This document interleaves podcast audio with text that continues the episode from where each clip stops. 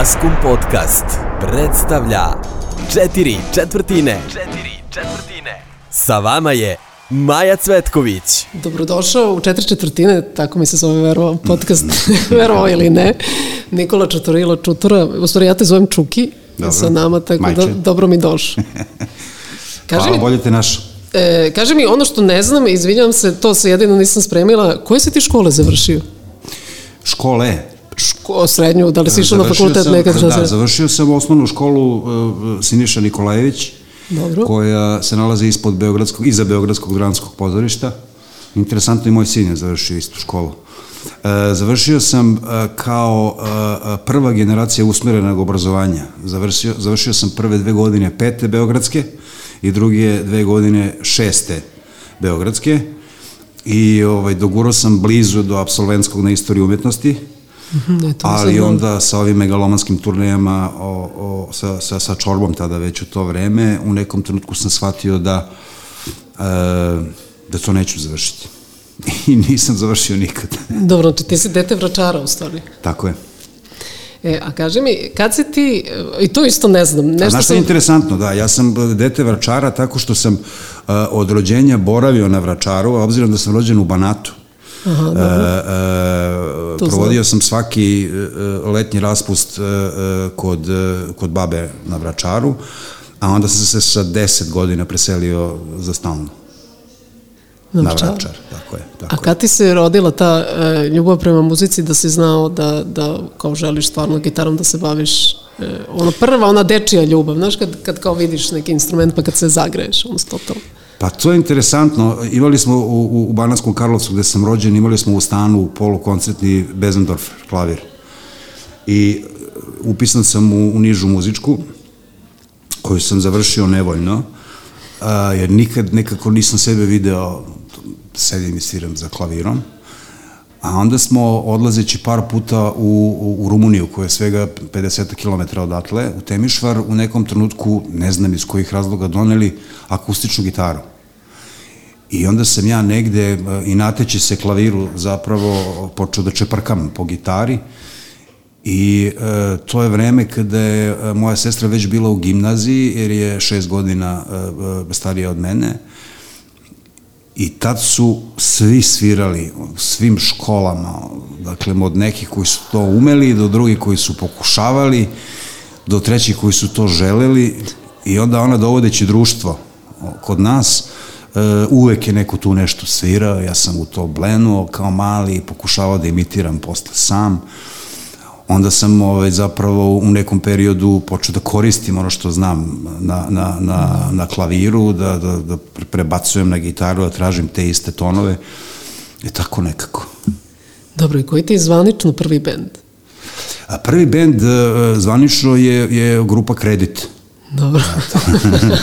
Ko da si znaš što te čeka kasnije. Grupa Kredit, da, to je, ja sam bio, sad ne mogu tačno da se setim, da li osmi razred ili, ili prvi razred, i onda je ta ovaj, grupa nastala e, tako što sam ja upoznao e, Igora Popovića, e, pevača koji mnogo godina kasnije imao band Jakarta.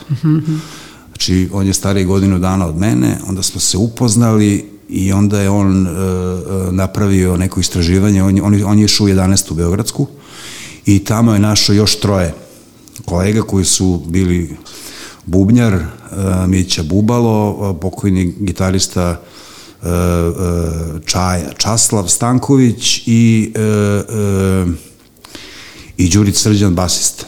Dobro, i kako Njih zvuči? troje su posle napravili Laki pingvine, to je strašno, strašno neobično. I imali smo kredit, jedne godine smo išli, e, vozio nas je moj tata u, u, u Kecu i još neki auto išao, išli smo pored e, Aranđelovca u Banju, tako se zove to selo, po, po najvećoj zimi i tamo smo poneli opremu, instrumente i kod Igorovog dede ovaj, u kući, to je seoskoj, ovaj, drmali desetak dana, to je prvi band, kredit.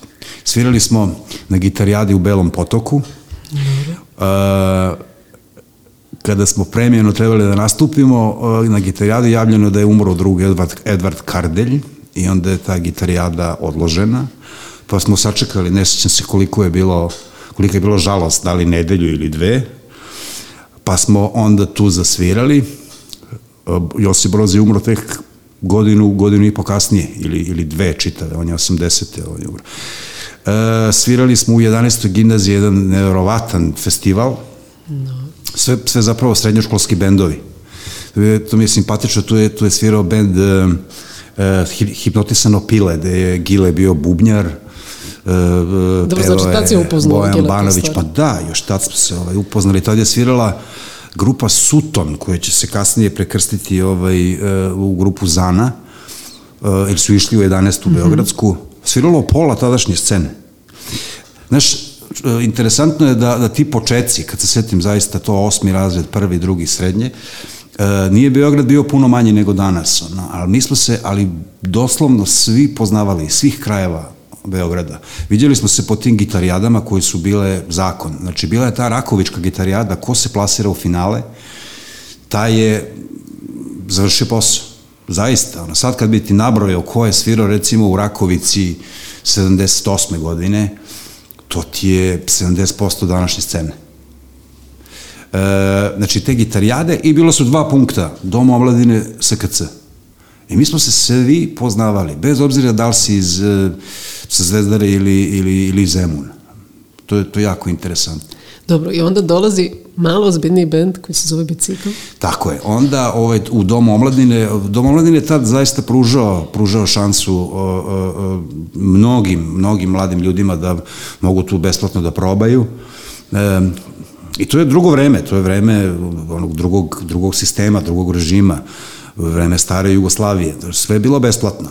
Znači u SKC su sve manifestacije bile besplatne, e, svi su probali besplatno, isto tako u Domu omladina se besplatno probalo, Uh, u Domladine su za koncerte, baš za koncerte naplaćivali neke simbolične karte, ali, su, ali je postalo to Beogradsko leto kao manifestacija, mm da su svi bendovi iz bivše SFRJ uh, nastupali i to je bilo potpuno besplatno. Samo je bila varijanta da dođeš dovoljno rano da, da, da, da, da, da možeš fizički da uđeš. To je bilo krcato. Ja, moj početak bavljanja ovim, ovim zanatom, poslom, nazovi kako god hoćeš, je zapravo vezan za, za vreme kada je rok bio prosto re, religija, na nivou religije, znači prosto nije bilo nije bilo zamislivo da, da, da bilo kakav drugi zvuk ovaj, boji naše odrastanje. Ono. Ja s Beograda 70-ih, pa i 80-ih, ovaj, sećam tako, ja nigde nisam čuo, nigde nisi mogao da čuješ ništa drugo sem rock muzike. Znači, bilo koji kafić, bilo koje, gde god se okreneš, to je bilo to. I to je jako interesantno da sam sociolog, ono što mi je bila davnašnja ovaj, želja, ovaj, ali nisu me primili na sociologiju, primili su me na istoriju umetnosti, to bi vjerojatno završio. To je fenomenalno štivo za, za analizu. Ovaj, zašto se to tako događalo? Šta je uslovilo da se sve to tako ovaj, događa? jer tu ima raznih, raznih segmenta, nego je to dopustio. Znaš, mi smo živjeli ono u blago represivnom društvu, sve je bilo pod kontrolom, ali neko je to dopustio jednostavno, rekao je ok, ovo je progresivno, to nam negde treba, uklapa se u nešto što je kulturna politika ove zemlje, pusti to. I to je bio mainstream. A znalo se šta je Ibarska magistrala, to je bilo tamo negde, To je bila neka, neka ljuta provincija, tu u gradovima nije postojalo. Dobro, čekaj, šta ti se onda prvo veliko desilo? Nekako si se ti prvo, ajde kažemo, profilisao kao dobar gitarista? Pa onda... Jeste, jeste, ja sam tad prešao to, evo, spomenuli smo Doma mladine, prešao sam u grupu Bicikl, koja je bila jedan od perspektivnijih tih ono, mlađih bendova, to je vodio uh, Jovan Stojljković, kompozitor i, i, i uh, klavijaturista. Ja sam tu ušao kao 17-godišnji ovaj, gitarista i imao sam, to je potpuno nevjerojatno, imao sam uh, single koji je objavio PGP 79. godine, recimo sa grupom Bicikl. Pesme su se zvale Palanačka hronika i, i Dečija pesma, da. I sećam se kad se single pojavio tog prvog dana ovaj, uh, u, u, radnji PGP u Makedonskoj, ja sam bio u fazonu sad kad krenem u školu kako ću se odbranim od ovih svih koji, me, koji će da me provale i da mi ono da me zaustavljaju za, za, za autograf. E, šalim se naravno, mada ima malo istine u tome, ali to je lepo, nezaboravno iskustvo. Pošto mi generacijski smo imali ideju, bar ljudi koji su moje okruženje, da, da nekako uđemo u taj proces, postanemo deo tog procesa. Niko, ja ne pam, ne sećam se da iko razmišljao, hoću da uđem u ovo da bi ostvario ovo i ovo, da bi stigao do tačke B, da bi, ne znam, zaradio novac ili da bi bio poznat. Sama ideja da, da, da te prepoznaju kao dovoljno dobrog da uđeš u to je bila uh, osnovni motiv. Tako da to, taj period pamtim, to, svirke Dom omladine, uh, SKC, gitarijade su već bile na zamiranju tada, mm -hmm. jer ovi nekakvi mainstream bendovi tada su zaista počinjali da budu na neki način ozbiljna priča. Tako da, to je taj period... Dobro, i koji prvi bend dolazi kao... Bicikl, Pa ja sam, Važan. bio sam u biciklu do, do, do 80. 81. tako nekako. Ne, lažem. 80. godine sam ovaj, počeo da sviram sa uh, Zoranom Miščevićem sa siluetama. Sa siluetama, da, da, ti si da, bio potpuno, pa tek onda orgazam dolazi. Tako je, tako? potpuno, potpuno neverovatno zvuči. A Zoran Miščević, legendarni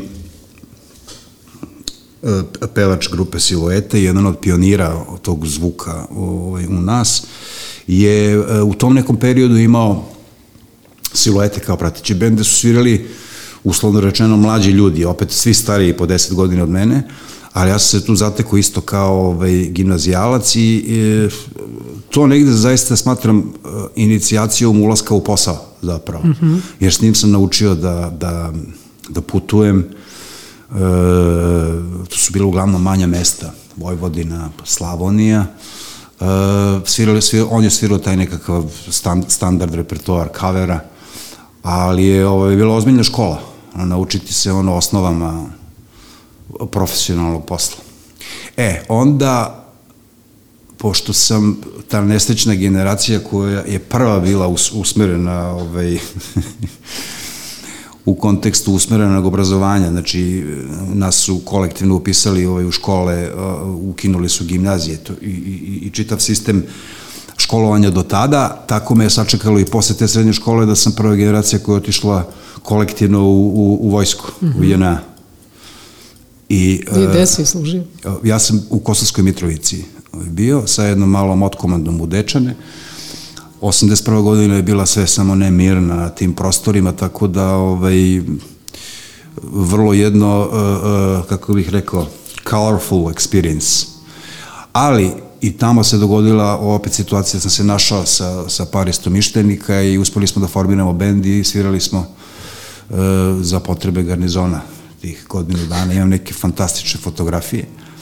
Opet neposredno po mom izlasku iz, iz, iz JNA, znači iz armije, o, ovaj, to sve sa 19 godina, to mi danas zvuči nestvarno. O, oni su promenili uniforme i te uniforme su jednom počeli da liče na neke uniforme koje mi danas znamo. Inače, one u kojima sam ja bio, to su, to, to, to su uniforme koje više liče na prvi svetski rat. To su, znači, oni od, od one čoje, znači to kad se nakasi sa, sa, sa kišom, to je, to je, nosiš jednu tonu na leđima potpuno neverovatno, kao u nekom, u nekom, nekom drugom životu. I onda izlazimo ono iz vojske e, i ne, onda pravimo band Zamba. Aha, Odnosno, da, ja sam to, pozvan, to sam pozvan sam u band Zamba i to je prvi album studijski na kojoj sam ja učestvovao kao originalni originalni član benda. E, bend je napravio Bogdan Dragović koji je svirao u grupi Zana, pa je izašao sa Futom Radulovićem, gitaristom tadašnje grupe Zana To je 82. godina i tu smo bili ja kao gitarista i, i Bata Jakovljević, originalni bubnjar grupe Bulevar. Znači mi smo bili ovaj, Zamba i izdali smo taj jedan album za Jugoton. Odsvirali jednu turneju po radnim akcijama. To isto sad zvuči fantastično. Pazi, prvo uopšte radne akcije kao, kao fenomen. Ali tu, tu se sviralo. Regularno se sviralo. E, odsvirali smo jedan koncert u SKC, ja sam ubrzo posle toga izašao iz benda Onda sam odsvirao turneju 83. sa, sa ovaj, električnim orgazmom. Kako Bubanj kaže, to je taj album. Znači, samo turneju sam odsvirao. I onda, onda 84. čorba. Dobro. Ajde da čujemo sad uh, tvoj novi singl, Sanjam te. Mm -hmm. I to bih baš voljela da čujem i da mu posvetimo pažnju, ali kasnije ćemo malo da pričamo okay. o ovom novom periodu, a posle toga idem na, na jednu staru pesmu, moju omiljenu, to ćemo da, da kasnije pričamo.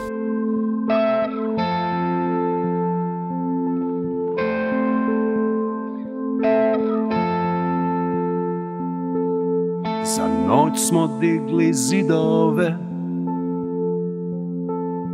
Tišina sakrila je reči sve. Nije nas hteo spas Do jutra nije bilo nas.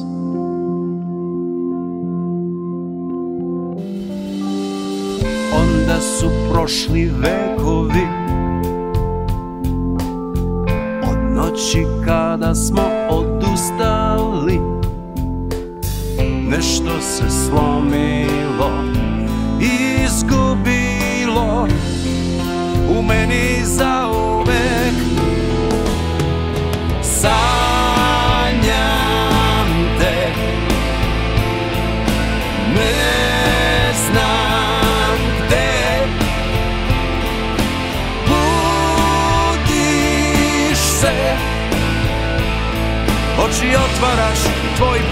su na licu mom Sanjam te. Reči sve Dolaze. Ovaj san ih zna ko što nisam ja. U noći kad si otišla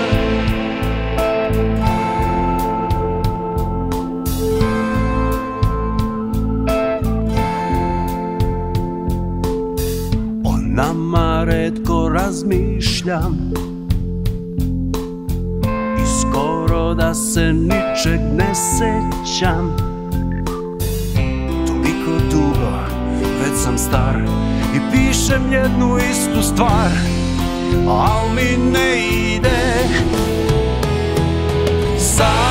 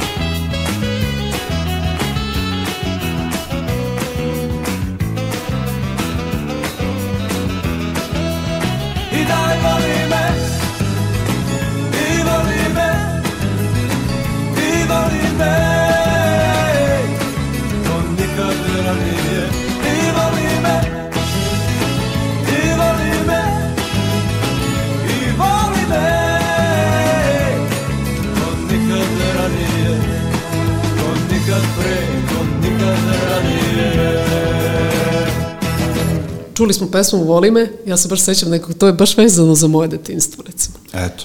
Neko, baš da se sećam iz tog perioda, ovaj, Dobro, kad se do, da se nastavimo na, na priču koju smo eh, prekinuli, je dolazak u čorbu, to je Bajaga odlazi, ti dolazi, tako, Tako ti u je. stvari dolaziš na njegovo Tako je, mesto. tako je. Kakav je to u stvari za tebe neki bio, uh, ne, ne, ne kažem životni period, jer to je sad nešto bilo mnogo velika popularnost, Čorba je već bila veliki bend, kako je tebi tu sve izgledalo tada? Pa vidi, ja sam imao 22 godine, ali sam bio uh, realno spreman za, za uh, takvu vrstu izazova. Izašli su pokojni Rajko Kojić i, i Bajega i došli, došli smo Vido Božinović i ja. E, to je neko, kraj leta o, o, 84. godine. E, ništa, ja sam došao na jednu probu, onda na, drugu, na drugoj probi se pojavio Bora, znali smo se iz viđenja, ja sam svirao i sa zambom, i sa siluetama, i sa biciklom kao predgrupa. Tako da znali su oni mene, nismo bili ono, ove, nepoznati. Sa biciklom sam svirao na Rokoteci na Kalemegdanu, ovaj, jedan ogroman koncert kao predgrupa. Mm -hmm. Sa siluetama, sa Miščevićem na sajmu, nek čuveni koncert kad su Boru ovaj, kad šišali i brijali. E, a sa Zambom sam svirao koncert na Obedskoj bari. Interesantno je, sam propao Bina je bilo dve prikulice traktorske ovaj, i propao sam ovaj, igrom slučaja. Pa bilo interesantno, recimo ja pamtim po tome što što je danas isto neshvatljivo. Ovaj, mi nismo imali eh, na krstu kuća moja, dedina kuća, nismo imali nikad telefon. I onda je bilo dramatično kako ja uopšte funkcionišem u smislu kako me obaveštavaju. I onda je Miša Aleksić, sad, nažalost i on pokojni, zvao moju prvu komšinicu, jednu ovaj, gospođu uh, Simku, tako je, i onda je ona imala specijalan ovaj, šifru udarca u zid i onda ako ja odgovorim, ona, mi, ona mu kaže tu je, sad će da dođe. Onda ja istračim na ulicu kod nje i on ja na telefon i onda mi on kaže, ne znam, odložena proba ili sutra idemo za Kruševac, šta god. Bilo interesantno, Ginger imao fiću nekog žutog malog, i pošto stanuje onako paralelno od mene bulevarom u Đevđelijskoj, znači kod Đeran pijace, onda sam ja regularno išao kod njega i onda smo nas dva ovaj, sa sve svojim gitarama, fićom išli do doma mladine na probe regularno. Pamtim po tome. I pamtim po tome što je uh, uh, band u tom trenutku u odnosu na produkciju koju su imali sa prethodna dva, tri, četiri albuma, imali sa, sa tim poslednjim albumom uh, njihovim kriterijumima ozbiljan pad. I onda se to smatra kao praktično novim početkom. Mm -hmm. Jer oni su imali ona prva dva albuma koji su bili uzlaz, onda su imali onaj treći album Mrtva priroda koji je danas valjda najprodavaniji rock album u, u istoriji SFRJ i ovih Tako prostora. Je, Onaj sa onim jajima, to svaka kuća imala. Interesantno danas, ono, to, to sam spominjao par puta, ovaj, taj album Mrtva priroda uh, je prodat u nestvarnom tiražu. I onda sam naletao na podat, podatak mnogo kasnije ovaj, u PGP-u, da je e, 5000 vinila albuma Mrtva priroda, znači ovaj, podeljeno o, o, e, radio stanica. 5000 znači vinila. Onoliko koliko je bilo radio stanica u onoj da, bivšoj zemlji, što je danas tiraž znači, koji bi da, da. svako platio istog trenutka. E, onda su imali ono, valjda, e, buvlju pijacu, koji je bio onako mali pad i imali su muzičari koji piju, koji za njih bio ozbiljan pad. To je prodato recimo u 100.000 primjeraka i to je bio ozbiljan pad.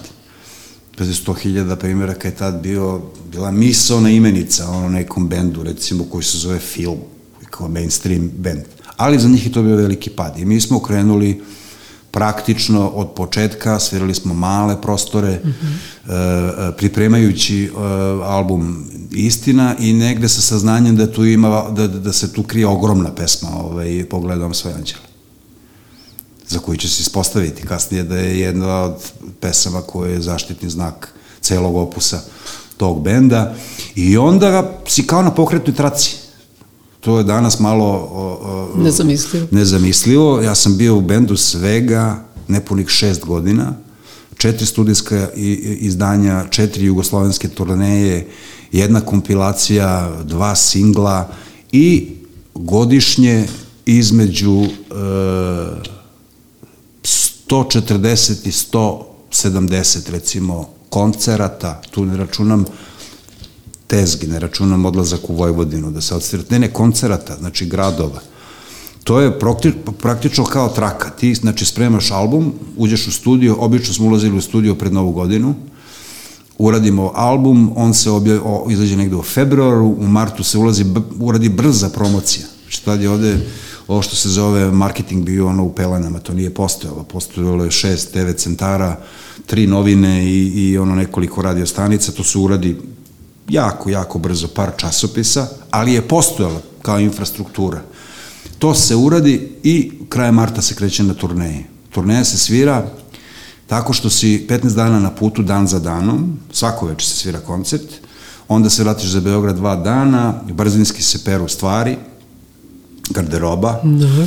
pakuješ se i odlaziš opet na 15 dana. I tako, ja se Beograda jedva sećam to 85. 6. 7. 8. Granično se jedva sećam Beograda. To, onda se to završi negde pred kraj juna, onda smo imali jul ovaj, kao slobodan, to nije bilo ni festivala, nije bilo eh, ni u primisli, nije bilo eh, svirki sa virtualnim budžetima koje plaća neka opština ili neka... Ne, bila je što je potpuno eh, u, u, zapravo kontradiktorno. Jer mi smo živjeli kao u, u, u jednopartijskom sistemu socijalističkom, a funkcionisali smo jedino i samo tržišno. Znači, staviš plakate, staviš cenu karte, ko kupi, uđe unutri, doviđenja. Danas smo kao ovaj, dosegli ono ovaj, veliki nivo demokratije, da ako ne sviraš ove virtualne manifestacije, praktično, praktično nemaš, nemaš, nemaš da sviraš na prste jedne ruke možda brojiš nekoga ko, ko prodaje ulaznicu i to jednom u dve godine. Kažem, jul slobodan, e, u avgustu smo svirali te manje neke svirke kao da ostanemo u formi i pripremali album. A album se pravio zapravo na turneji, po sobama hotelskim, na tonskim probama, ono umeđu vremenu, ali ti si stalno u tom, u tom uh, uh, nekakvom, nekakvom spidu i uh, tu se stekne jedna vrsta rutine koja je potpuno nezamisliva. To je da, da, da zaista možeš da odlutaš mislima, hoćeš, ćeš osvirati taj koncert perfektno. To radiš svaki dan, dan za dan. Ozbiljan posao. I tako godinu za godinu. Taj prvi album je Istina, onda 86. je izašao e, kako se zove album, bože, tu su ovde Amsterdam i nema ideš mojom ulicom i evo, stao mi mozak, ne mogu da setim kako se zove album. E, e, iza toga je bio treći, koji verovatno isto ne mogu sada da zovem pameti. ovaj, A čekaj, kad dolazimo do... Ujed za dušu je treći, tako je. E, Ovo, ovo nema veze sa, sa ovaj, e, e, zaboravnošću, nego prosto mi krštenica ona izlazi ispred mikrofona. E, iza toga priča o ljubavi obično ugnjavi, tako je.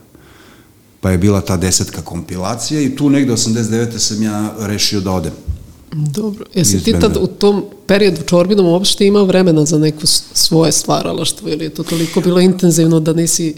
Pa vidi da se vratim na prethodnu priču, negde, negde ovaj, u, u, da li u nekom tekstu ili u onoj rock enciklopediji, ovaj, Pera Janjatović je, je smislio termin da sam u nekom periodu bio kao renta car gitarista, kao to je on smislio. Sad koliko je to ovaj, pa pozitivno ili nije, nebitno je, ovaj, ali ja sam bio negde potpuno potpuno srećan u tom periodu da ja sviram gitaru u bendu, da doprinosim aranžmanski, da je to to. Mene je e, e, u tom periodu, znači 85. godina, e, Bora Đorđević direktno ohrabrio da pokušam da pišem. Direktno. Ja sam mu jako zahvalan na tome, to je prosto činjenica, što nije morao da radi nema nikakvog interesa, ono, prosto to je bila ovaj, negde njegova, da li prepoznavanje nečega ili nemam pojma, sve ja počeo na taj način da razmišljam, nešto što sam ja imao kao nekakvu temu, on je čuo kao pesmu Terao da završim i to je moje prvo autorsko učešće na tom prvom albumu, to je pesma Neću da te volim, to je prva pesma. Pa onda negde u tom periodu, između tih turneja, e, Dragi i Žika Jelic su nam radili ovaj, produkciju u smislu ozvučenja i rasvete, a razmišljali su da se vrate ovaj, autorski ovaj, u posao, pošto nikad nisu bili tekstopisci, onda su na, navalili na Boru, ovaj, e, a Bora je tu negde uključio i mene, kao može da proba. I onda su se meni tu dogodile ove neke pesme. Dobro, ali Mo- lepo da to nisam znala da, da on tako... Jeste, jeste. Mornar, Dunav šibaju vetrovi, to je u tom periodu isto napisano između tih turneja po nekim sobama i posle sam postao doživotni saradnik ove, dragog, dragog i Žiki. Da. Tako da, s te strane je on bio ovaj, više nego, nego uh, podsticajan, eto tako mogu da kažem. Za razliku od nekog autora koji je toliko veliki, koji je ostavio toliki legat iza sebe, koji bi mogao da bude, kako bih rekao, uh, uh, samo zaljubljen i koji ne bi dozvoljavao da se Tako niko je, da. lati uopšte toga. Znači, ne, on je nap, naprotiv, on je to ovaj, posticao. Da. Ajde da čujemo neko kao ja Ajde. iz tvog opusa, pa ćemo posle u jednom drugom životnom periodu.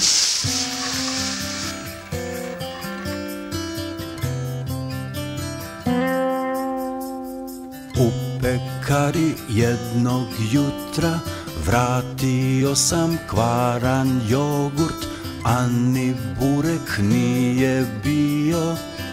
Bog zna šta. Čekao sam na trolejbus Desio se prekid struje Al će šofer da se psuje. Čim se pojavi Našao sam neku štampu i usput čitao za džabe Gde su kurve i barabe bile prošlu noć. Stigo sam na biro rada Sa šaltera žena brada. Mrštila se jer ja ne znam da je pauza Više ne znam da se ljutim. Ko od lošeg filma smoren Najbolje je kada ćutim. I ja za ovo nisam stvoren. A, a, a, Gledao sam u račune Neplaćenih ruke pune Kog da zovem ko još drži Iznad vode nos? Opasno se beda pentra Gužva kod urgentnog centra. Subota je pa su sportske priredbe. Dileri su oko škole Đaci turbo džihad vole Večne istrage u toku A ja sam v kurcu. Otrovna je hemisfera U tom carstvu amatera. Ne dao ti Bog da nešto Znaš da uradiš. Ne zameri majko zemljo Što ti ne znam bolje da ti Evo mene možeš mirno Svojim kopiletom zvati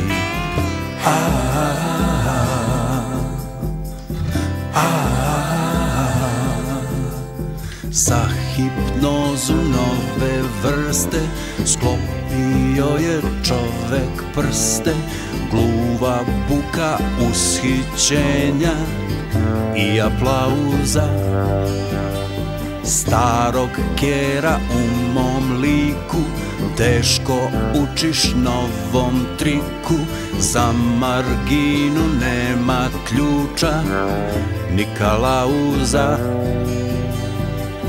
Ja ne želim da se predam Ja sam vernik optimizma Ja u bolje sutra gledam Sa ivice ludizma. Više ne znam da se ljutim Ko od lošeg filma smoren Najbolje je kada ćutim Ja za ovo nisam stvoren. Lavovi su u egzilu Sad hijene kolo vode Il si lovac, il si meso Il neko kao ja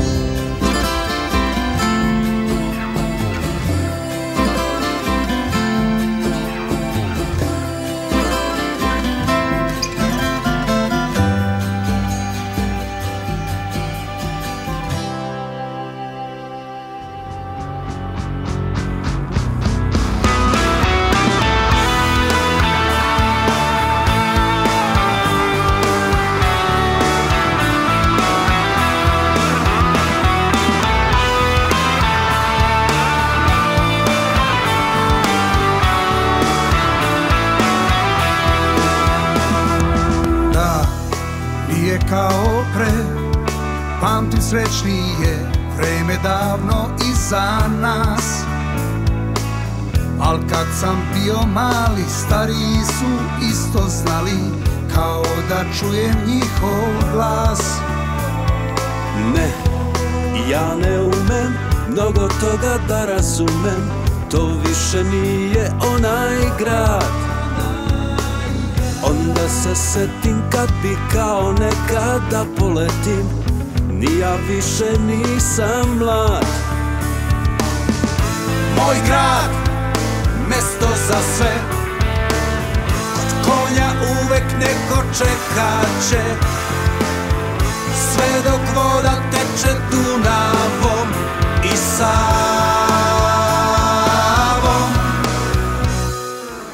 Noćas daleko negde ne spava U dane prošle vraćam se. Misli ko strele prema tebi lete sve. Beograde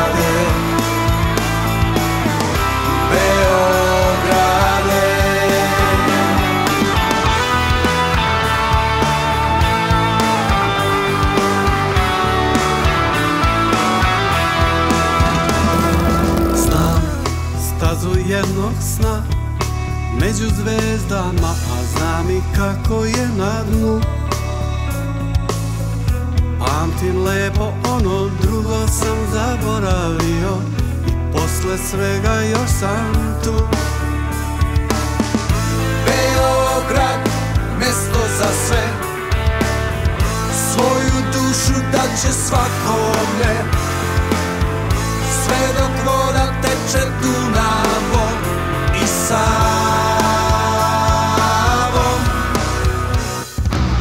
Noćas daleko negde ne spava U dane prošle vraćam se. Mislim ko strele prema tebi lete se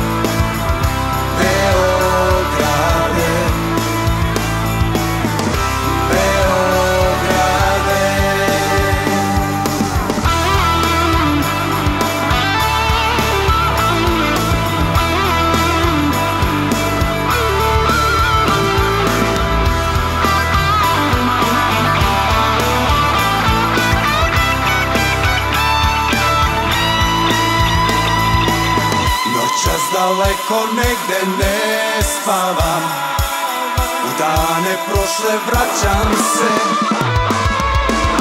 Misli ko strele prema tebi lete se. Beograde. Milion zarobljenih sećanja Za uvek svako svoje zna Ima poput Rime, sve na sveže tvoje ime. Beograde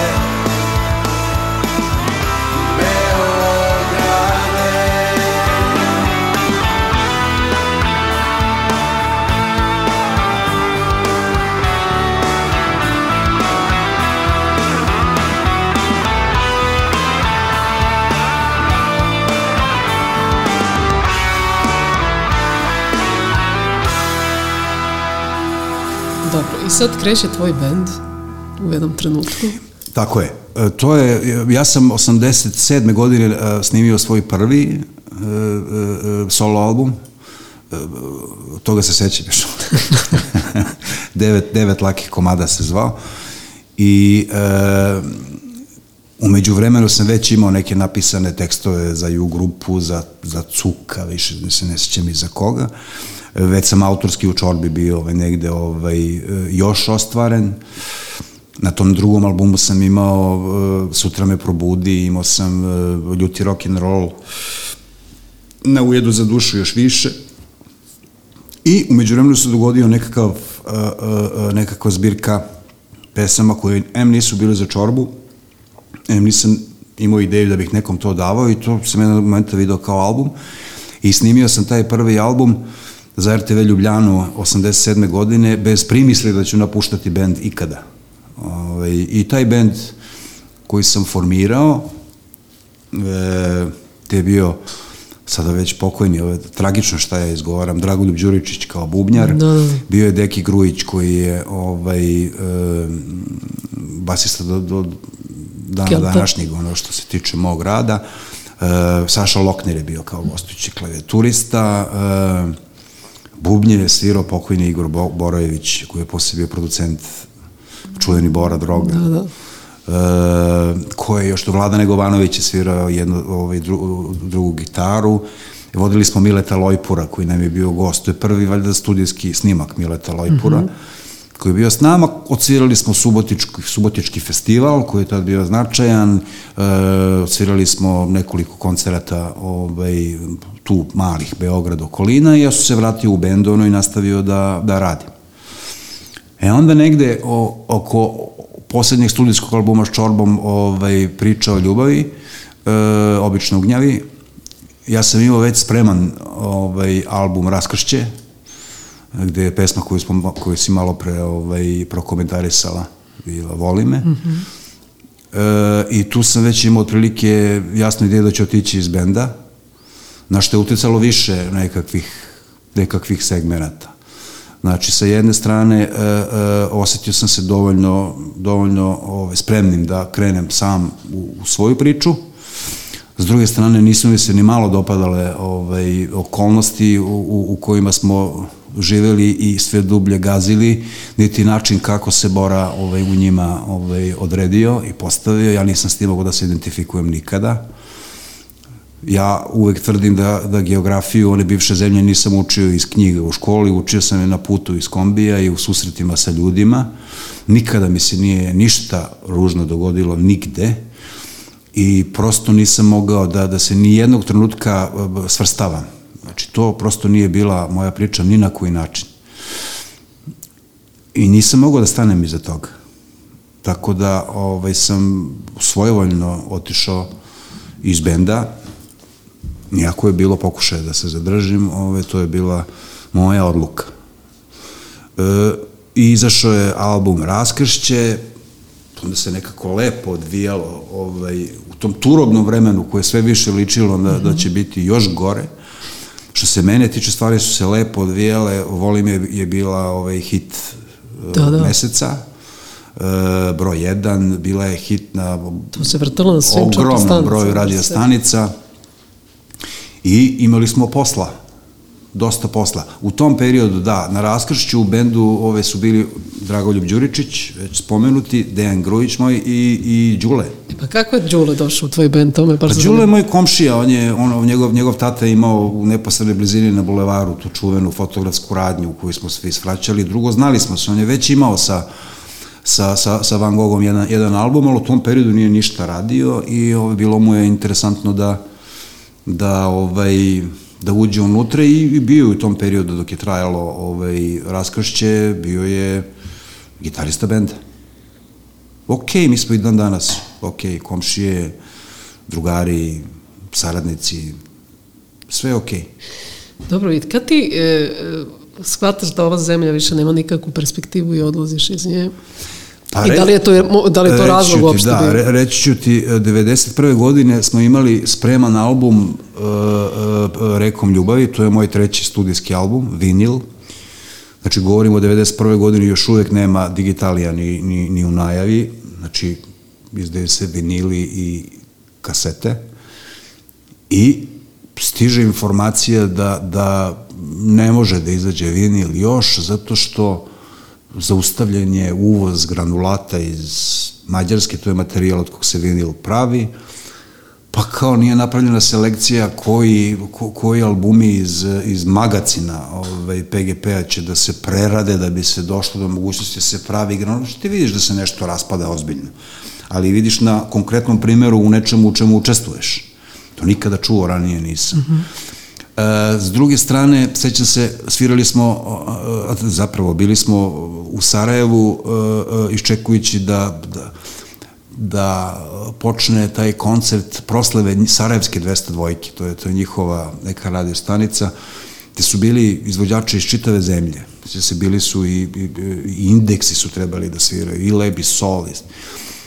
I to posle podne je ovaj, izbio onaj kratkotrajni rat u Sloveniji. Mm -hmm i nas su ekspresno nešto razvezli po, po, po, po aerodromima, po čudima i tu, ja to doživljam kao raspad.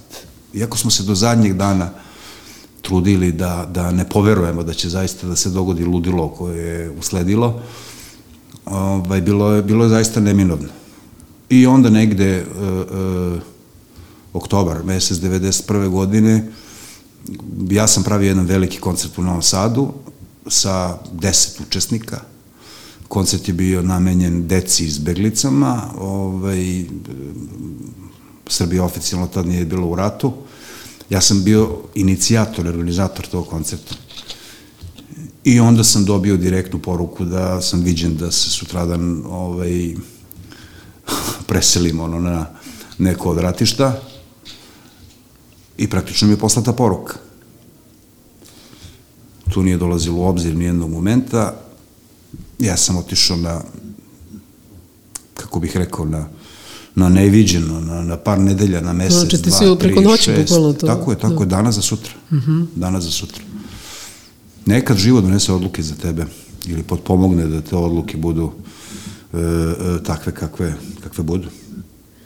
Dobro, i sad odlaziš u London, Šta si ti tamo radio?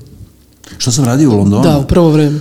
Po Londonu sam preživljavao, tugovao i nekako pokušao da sačuvam glavu u smislu da, da, da, da ostanem sabran i da meni ostane dovoljno uh, dobrog, dovoljno ambicije, dovoljno empatije za ljude i tako. Raznih perioda je bilo, bi, bio je period kada sam pokušao da prestanem za uvek da sviram, E, I to je verovatno period u, kom sam bio najnesrećniji o, u životu. A, a ostalo sve potpuno nezanimljivo. Ono, nešto, da, da. radio sam neke poslove, ne da se ne stidim nijedno, nego sam ponosan na svaki dan na tim poslovima, a to je prosto borba za egzistenciju koja je na zapadu uh, uh, prosto takva kakva jeste. Kao što i ovde sve više liči na, na to. Znači, imaš vrlo malo zaštite, e, nema mama, tata, nema tetke, nema prijatelji. E, pa sad je interesantno, ja sad spremam ovaj, da snimam album, e, Bože, izvinjam se, da snimam video za single koji se zove Lice ulice koji se tako dogodio, tako sam ga napisao, koji zapravo uh, govori o homelessima, govori o beskućnicima. Ja sam recimo svedočio na tom zapadu, u tom Londonu gde sam živeo, kako čovek kog sam poznavao, od potpuno regularnog čoveka u roku od 3-4 meseca završio ispred metro stanice sa konzervom piva i sa, sa klašanjem. Da, a kad smo kod toga, e, jel ti se čini da sad u poslednje vreme ima mnogo, mnogo više beskućnika i Kako prosjeka da ne? nego... Kako da ne? To je, kako bih rekao, tražili ste, gledajte. To je, to je, to je globalni, globalni kapitalizam u svom najgorem izdanju, koji zapravo sve više negde sabija tu srednju klasu, čini je ono sve manje vidljivije, još jedan jako mali broj e, e, e, bezobrazno bogatih ovaj, ljudi i imaš ogroman broj siromašnog sveta. No. Sve ono što se dešava je zapravo nestanak te, te nekakve srednje klase. Ali ja mislim da ono što je, što je inicijalna kapisla je uh, čovjek je po, po, po, po prirodi stvari borac, tako bi trebalo da bude. E, mislim da je ovo, ovo se događa psihičkim razaranjem zapravo. Znači svako ko je i dalje sabran e, će izaći na ulicu i borit će se na jedan ili drugi način i verovatno će se snaći.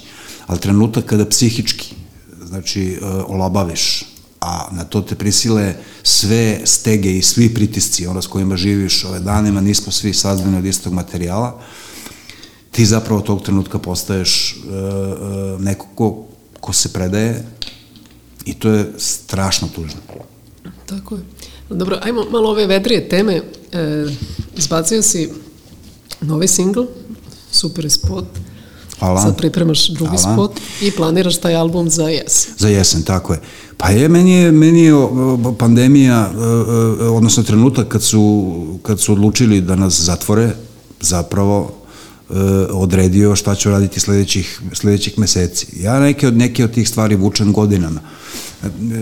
Ima najlazim na pitanje ono, pa posle devet, album, devet godina imaš kao pa, ovo izdanje, kao u fazonu devet, devet godina pauze, sad to se shvati kao da sam devet godina džaba lebario.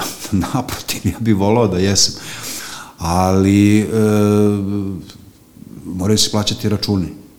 Ja sam opet zahvalan što svi moji računi budu plaćeni od, od muzike na ovaj ili onaj način. I puno toga sam radio. Od serije, od muzike za decu, od albuma za kolibri, od saradnje s U grupom, od himne za, za UNICEF, e, Evo sad sam završio jednu fantastičnu, ovaj, uh, fantastičan projekat uh, za uzrast od 3 do 6 godina, zove se Raspevana slikovnica. Jer to su neke stvari koje, koje su konkret, konkretne, vrlo dobro znaš, ona sama si u istom poslu danas kad se odlučiš da autorski se pokreneš, ti si u startu u minusu i bit ćeš u minusu onoliko vremena, da zahteva ulaganje. Ja bih voleo da sam neki čovjek koji ima dovoljno ono sredstava pa da može da dopusti sebi da da radi samo ovaj autorsku muziku svoju, kantatorsku, no, ovaj, nažalost to nije slučaj. Zašto to pričam sve? Kad se dogodio ovaj, ovo zatvaranje, ja sam jednom shvatio da, da ništa ne mogu da radim sem ovog. Pošto mi je atelje na 100 metara od kuće, ja sam odlazio svaki dan, sa čvrstom namernom da završim te, te numere, umeđu sam napravio neke druge i jako brzo za mesec dana sam spakovao ceo, ceo album. I onda smo napravili nekoliko proba akustičnih, nekoliko ovaj, full proba u studiju i jako brzo već u junu ušli ovaj, u studiju. E sad, Vlada Negovanović, to je interesantno, to je, Vlada Negovanović je e, moj drugar iz Pete Beogradski. Znači, to je, kad bi sada krenuo da nabrajam, a hoću, ono biće interesantno ljudima, znači, u dve godine, prvi razred, drugi razred Pete Beogradske, e, išli smo u isto vreme Vlada Negovanović, Nebojš Antonijević, e, na Miško Plavi, Uh, Igor Blažević ili ti inspektor Blaža, uh, mali Igor Jovanović koji je originalni gitarista grupe Zana, Luka koji je svirao bas u, u grupi Škripcu, uh -huh. uh, Vd je bio dve godine stariji od nas, Bubnjar, dakle neverovatan, znači, bila... neverovatan broj. I pritom smo imali to, to, to, neko, to neko divno ovaj, rukovodstvo škole, imali smo dole taj klub gde su oni nama davali i da vežbamo i da sviramo i taj klub kome su se kasnije mnogo više radile ove neke dramske sekcije Pete mm. Beogradske. Dakle, Vlada Negovanović iz tog vremena moj drugar koji me je švercovo kod Enca Lesića u studiju druga maca, kad kažem švercovo, snimao me ilegalno. U nekom periodu ja dođem u dva ujutru, pa onda ovaj, ni nešto snimimo kad nema nikoga. Vlada je uh, bio koproducent je snimatelj na mom prvom albumu Devet lakih komada. Isto to smo ponovili na uh, drugom albumu Raskršće, osim što smo imali i Habića kao producenta, onda smo radili ID zajedno u Londonu, zajedno smo snimali ID i onda smo napravili tu pauzu koja nije mala. Ali to je fascinantno da, da, da zapravo smo čitavo snimanje, jer smo vrlo kratko obavili razgovor šta je to što tražimo i čitavo snimanje smo obavili bez gledanja u smislu šta, šta nam treba, šta hoćemo. Dobro, poznajete. Dobro. Tako da je ovaj, mnogo, mnogo, mnogo lepa uh, saradnja, sreća sam da ponovo ovaj, stojimo iza nečega zajedno. Eto, to je to. Znači, album će izaći uh, uh, na jesen, dotle ćemo objaviti, ja sam siguran, bar tri ove singla, znači ovaj aktuelni, još dva, e, pa ćemo nastaviti, vidjet ćemo gde će nas to odvesti. U svakom slučaju, okružen sam nekakvom zdravom ekipom uh, uh, ljudi, ne mislim samo pritom na svoj bend, nego i na neke ljude, pre svega žene koje su se prihvatile da, da se pozabave sa ovim. Znači, izdajem za Lamšaj mediju koju vodi Zdenka Milanović, uh, koja mi je rekla neki dan postaješ polako full time job. I možda, Dobro, ali lepo, je, jako lepo rade promociju, to se vidi, to, i, da, to se vidi to da se neko trudi. Interesantno da ja zapravo prvi put imam ovaj, nekog ko se malo, eto, malo se bavi mojom karijerom, o, osim mene, ono što, što je meni zamerano od strane dobronamernih ljudi, to mi je Bora zamerio više puta, to mi zamera Bajaga, da uradim sve u pripremi i, i, i u studiju i kad izem iz studija kao da mi, da mi splasne entuzijazam što nije daleko od istine. Ja zaista i dalje uh, trudim se da profesionalno obavim sve obaveze koje nisu vezane za za pozornicu ono i za studio, ovaj, ali um, nisam uopšte neko ko je re, a, prosto rečeno do, dobar menadžer, sobstveni menadžer. Nisam. Dobro, ajde malo da slušamo sad neko iznenađenje od Maskuma, pa posle se vratimo malo da pričamo o saradnji sa EU grupom, to me jako zanima.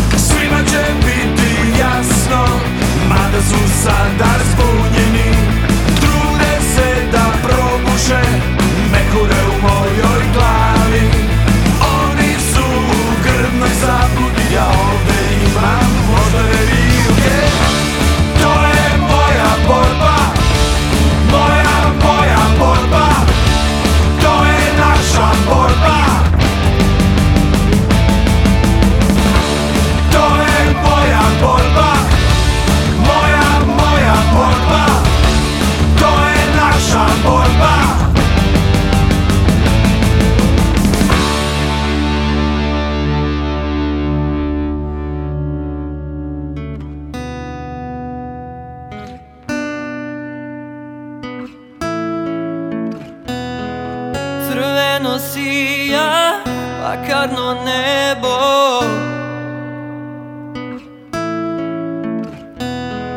Krvava reka kao da plamen podmukli izbija. Negde daleko čujem vapaj tihi. Dok svinge nemo gledaju nebo Zlatno. Umorno sunce zalazi polako Umorno sunce e,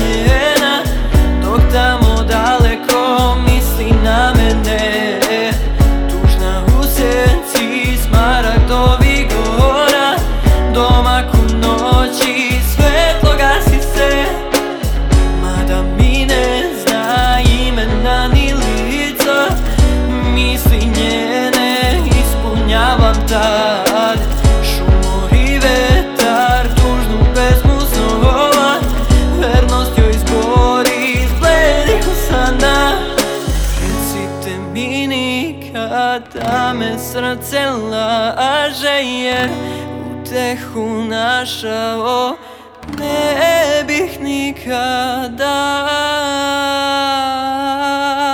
Čutura, ja mislim možda da su ti čak i najlepše pesme nekako izašle, mislim tekstovi za ju grupu. Kako si, zašto si te pesme njima dao? Nekako, kako si to, uh, jesi baš pisao za njih i, e, kada, kada si pisao tu pesmu, baš si onako ciljeno pisao za njih ili si nekako davao neke svoje koje misliš da ti ne možeš baš Pa dobro pazi, da- to ima, to ima pre- predistoriju. Dakle, uh, uh, probaj da, da, da, da vizualizuješ. Uh, uh, 72. godina. Dobro. E, moja sestra ima 16, ja imam 10. I njoj roditelji dozvoljavaju da pođe sa dru- drugaricama i drugovima na more ukoliko svako od njih ko ima povede tog nekog mlađeg brata ili sestru. Kampuju svi i povedu naš četvoro desetogodišnjaka zapravo. I onda su se između sebe dogovorili da, da na svako veče jedan praktično babysituje. Ostali idu da luduju, a jedan nas babysituje. I sad, ne znam, bio je jedan lik koji se ložio na futbal, onda nas, igrali smo futbal s njim, a međutim drugi je bio Pera Janjatović koji je već tada sarađivao sa nekim omladinskim časopisima i jedno veče on padne njegov red i on nas pokupi i odvede nas u taj internacionalni kamp gde sviraju grupu. Gde on imao i tezgicu, ide da gleda i da izvesti odatle. I to je moja ta neka prva dečija inicija, inicijacija ispred te pozornice, na, u trenu, ne znajući uopšte šta da, šta da očekujem. Vrlo dobro se sećam kao danas. Znači, u jednom trenutku gomila sveta, e, e, gase se svetla na pozornici, neki dim i izlaze oni u glamur odelima koji su tada doneli imali na onom singlu šta će meni sada vatra iz, iz Londona, to je 72. godina, i kreće potpuno neverovatna e, e, e, količina zvuka, potpuno strana tog, momenta, tog trenutka. I onako bez daha sam odgledao taj, taj ceo koncert. Sjećam se da su ostala deca smorila prilično. Meni je to bilo potpuno čudesno i dva, tri dana iza toga smo se vratili za Beograd, ovde na Krst i ja provalim istog dana da oni žive zapravo u Vojislav Ilića koji je 50 metara vazdušna linija od moje kuće. I onda sam ih gledao tako ko neka čuda, znači kao, kao dete, to seća se dragi kad uđe u samoposlugu, to tajac, potpuni to. Imali su parkirano, to se, to se zvalo, mislim da postoji dan danas, ta zgrada se zvala Jatova zgrada, tu su mm -hmm. živjela te porodice koji su radili Jato, njima je tata radi Jato. Parkirano 3-4 automobila, kombi, čuda neka. I onda sledeći uh, uh, trenutak oni rade ozvučenje i rasvetu čorbi u kojoj ja sviram. Tako je potpuno to neverovatno kako se to ovaj, dogodilo. Ja, uh, pošto autorski sa Dragim Jelićem tu ovaj, sarađujem, uh, postoji neko, neko prepoznavanje, ja sam se trudio znajući zapravo njega uh, prilično dobro, jer smo jako, jako bliski ove drugari, pokušavao sam uvek samo da nešto napišem što bi Dragi inače napisao da piše. Znači, znajući mm -hmm. njegovu situaciju, delove, intime, kako god. Tako da nije to teško, ali ja tako jedino i funkcionišem. Ja nikad nikom, nikom nisam dao po naročbini ništa, niti ću. Ljudi kojima sam pisao su ljudi koje donekle dobro poznajem i koji su mi bliski. Tako da ta saradnja sa, sa, ovaj, sa Dragim pre svega i sa, sa celom nju grupom je među vremenu prerasla na, na neki nivo da sam ja tu ko ono, dopisni član benda. Ono, znaš. I strašno sam ponosan na to, zato što su oni, osim što su uh, i dalje nedovoljno istaknute legende ovaj, uh, u čitavom poslu, ne prepoznate legende pre svega od ove zemlje, uh, oni su verovatno naj, najčestitiji, najpošteniji ljudi koje znam. Divni ljudi i fantastični umetnici. Znači, ima jedna, ima jedna anegdota, ovaj, pre deseta godina mi je došao prijatelj s kojim sam svirao u, u jednom cover bandu u Londonu. Ja sam svirao ovaj, englesku cover scenu mm -hmm. poprilično s različitim ljudima. Neki od njih, kako ih tamo zovu X-Names, neki koji su ostavili ozbiljnog traga i ovaj jedan prijatelj mi je došao i otišli smo na tadašnji Beer Fest. I onda je bio line-up koji neću spominjati. Da. Uglavnom sve, sve su to naše kolege koje worshipujemo, koji su etablirani, koje znamo. I onda je ovaj drugar posmatrao, klimao glavom, znači, znači nema predstavu ni o čemu, ne zna šta sluša. I onda u nekom trenutku kao treći su se tu, recimo oko 11 uveče, pojavila ju grupa. I kad su krenuli prvu numeru, znači on me pogledao i samo je rekao this is for real now. Ništa drugo nije treba da mi kaže. This is for real now. Jer ovo stvarno je prethodno zvučalo kao pokušaj, znaš. Kao kad čitaš, ne znam, jednu, drugu, petu knjigu i onda za neke knjige možeš da kažeš da su to knjige koje su napisali neki ljudi, a za neke knjige kažeš ovo su napisali pisci. Da. Ajde za kraj, samo mi kaži koja je tebi naj, najdraža, najbolja, ne znam kako misliš, pesma koju si za njih napisao, koji tekst ti je naj, onako najdraži, ne znam. Za Žiku i za Ju grupu? Da. E, uf, to nije lako stvarno. Pa dobro, možda ovih nekih neke, po, ne znam da li su možda poslednje, meni ona ko, ako se mm -hmm, tako zove, to, mm -hmm. to je sjajan tekst. Jeste, pa ima na, na, da, na poslednjem albumu ima, me, me, ja jako volim pesmu ko, koja se zove Uzalud. Mm -hmm. Pa onda i evo stojim tu, ono, i to je, i to je ovaj, da, sa da, poslednjeg da, da. albuma jaka, jaka pesma. Pa ima svašta, ima na onim prethodnim radovima, ima, ima ona, ona lepa pesma Zaboravi. E, u tom nekom periodu, da, bio i Bata Kostić kao autor, mm -hmm. na mhm. njega sam zaboravio, vrlo, vrlo, vrlo važan ovaj, autor. Ne znam, možda mi je naj, najinteresantnije, evo neću reći najdraža, ali e, e, Dunav šiboj vetrovi. Da, pa dobro, to je... To ali je znaš zašto? Evo, dragi mi je sve dok, Bogu hvala. Znači, on je došao i odsvirao mi je e, znači najogoljenije na, na akustičnoj gitari kako izgleda taj, ta melodija, taj ritam. I ja sam ispred njega napisao bez ispravke ceo tekst. Mm -hmm. Znači to je samo izašao. Ceo tekst, tako je. I onda smo to, ja sam rekao, evo ti ovo sad, idi malo radi, pa ćemo da prođemo, da uradimo korekciju, da popravimo. Ništa nismo popravili. Znači, ni zarez, ni naglasak. Imam možda pet, šest pesama u životu koji su mi tako izašle. Znači, recimo, jedna od njih je, ono malo pre smo čuli, je, je neko kao ja. Mm -hmm. To je napisano uh, pre muzike. Znači, je napisano od prve do poslednje Iz- reči. iz daha. uh, iz daha, da, da. Kao da sam pisao pismo neko. Eto. Dobro, hvala ti puno, ovo mi je bio sjajan razgovor, Hvala stvarno, baš, baš nekako ti je e, živopisan ovaj, o, o, ovaj, nekako pričati jako dobro e, i život je veoma interesantan, stvarno mnogi bi ti, kilometraže, da, ima- ima mnogi bi ti kilometraže. pozavid, da, mnogi bi ti pozavideli, evo prvo ja na takvoj turneji koju si imao iza sebe i na takvim tekstovima, stvarno svaka čast. Hvala ti Ja puno ti što si- zavidim na godinama i na. Dobro, bar da neću. Hvala ti puno, ovo je bilo četiri četvrtine, e, vidimo se za. Živi bili. Četiri četvrtine. Četiri četvrtine.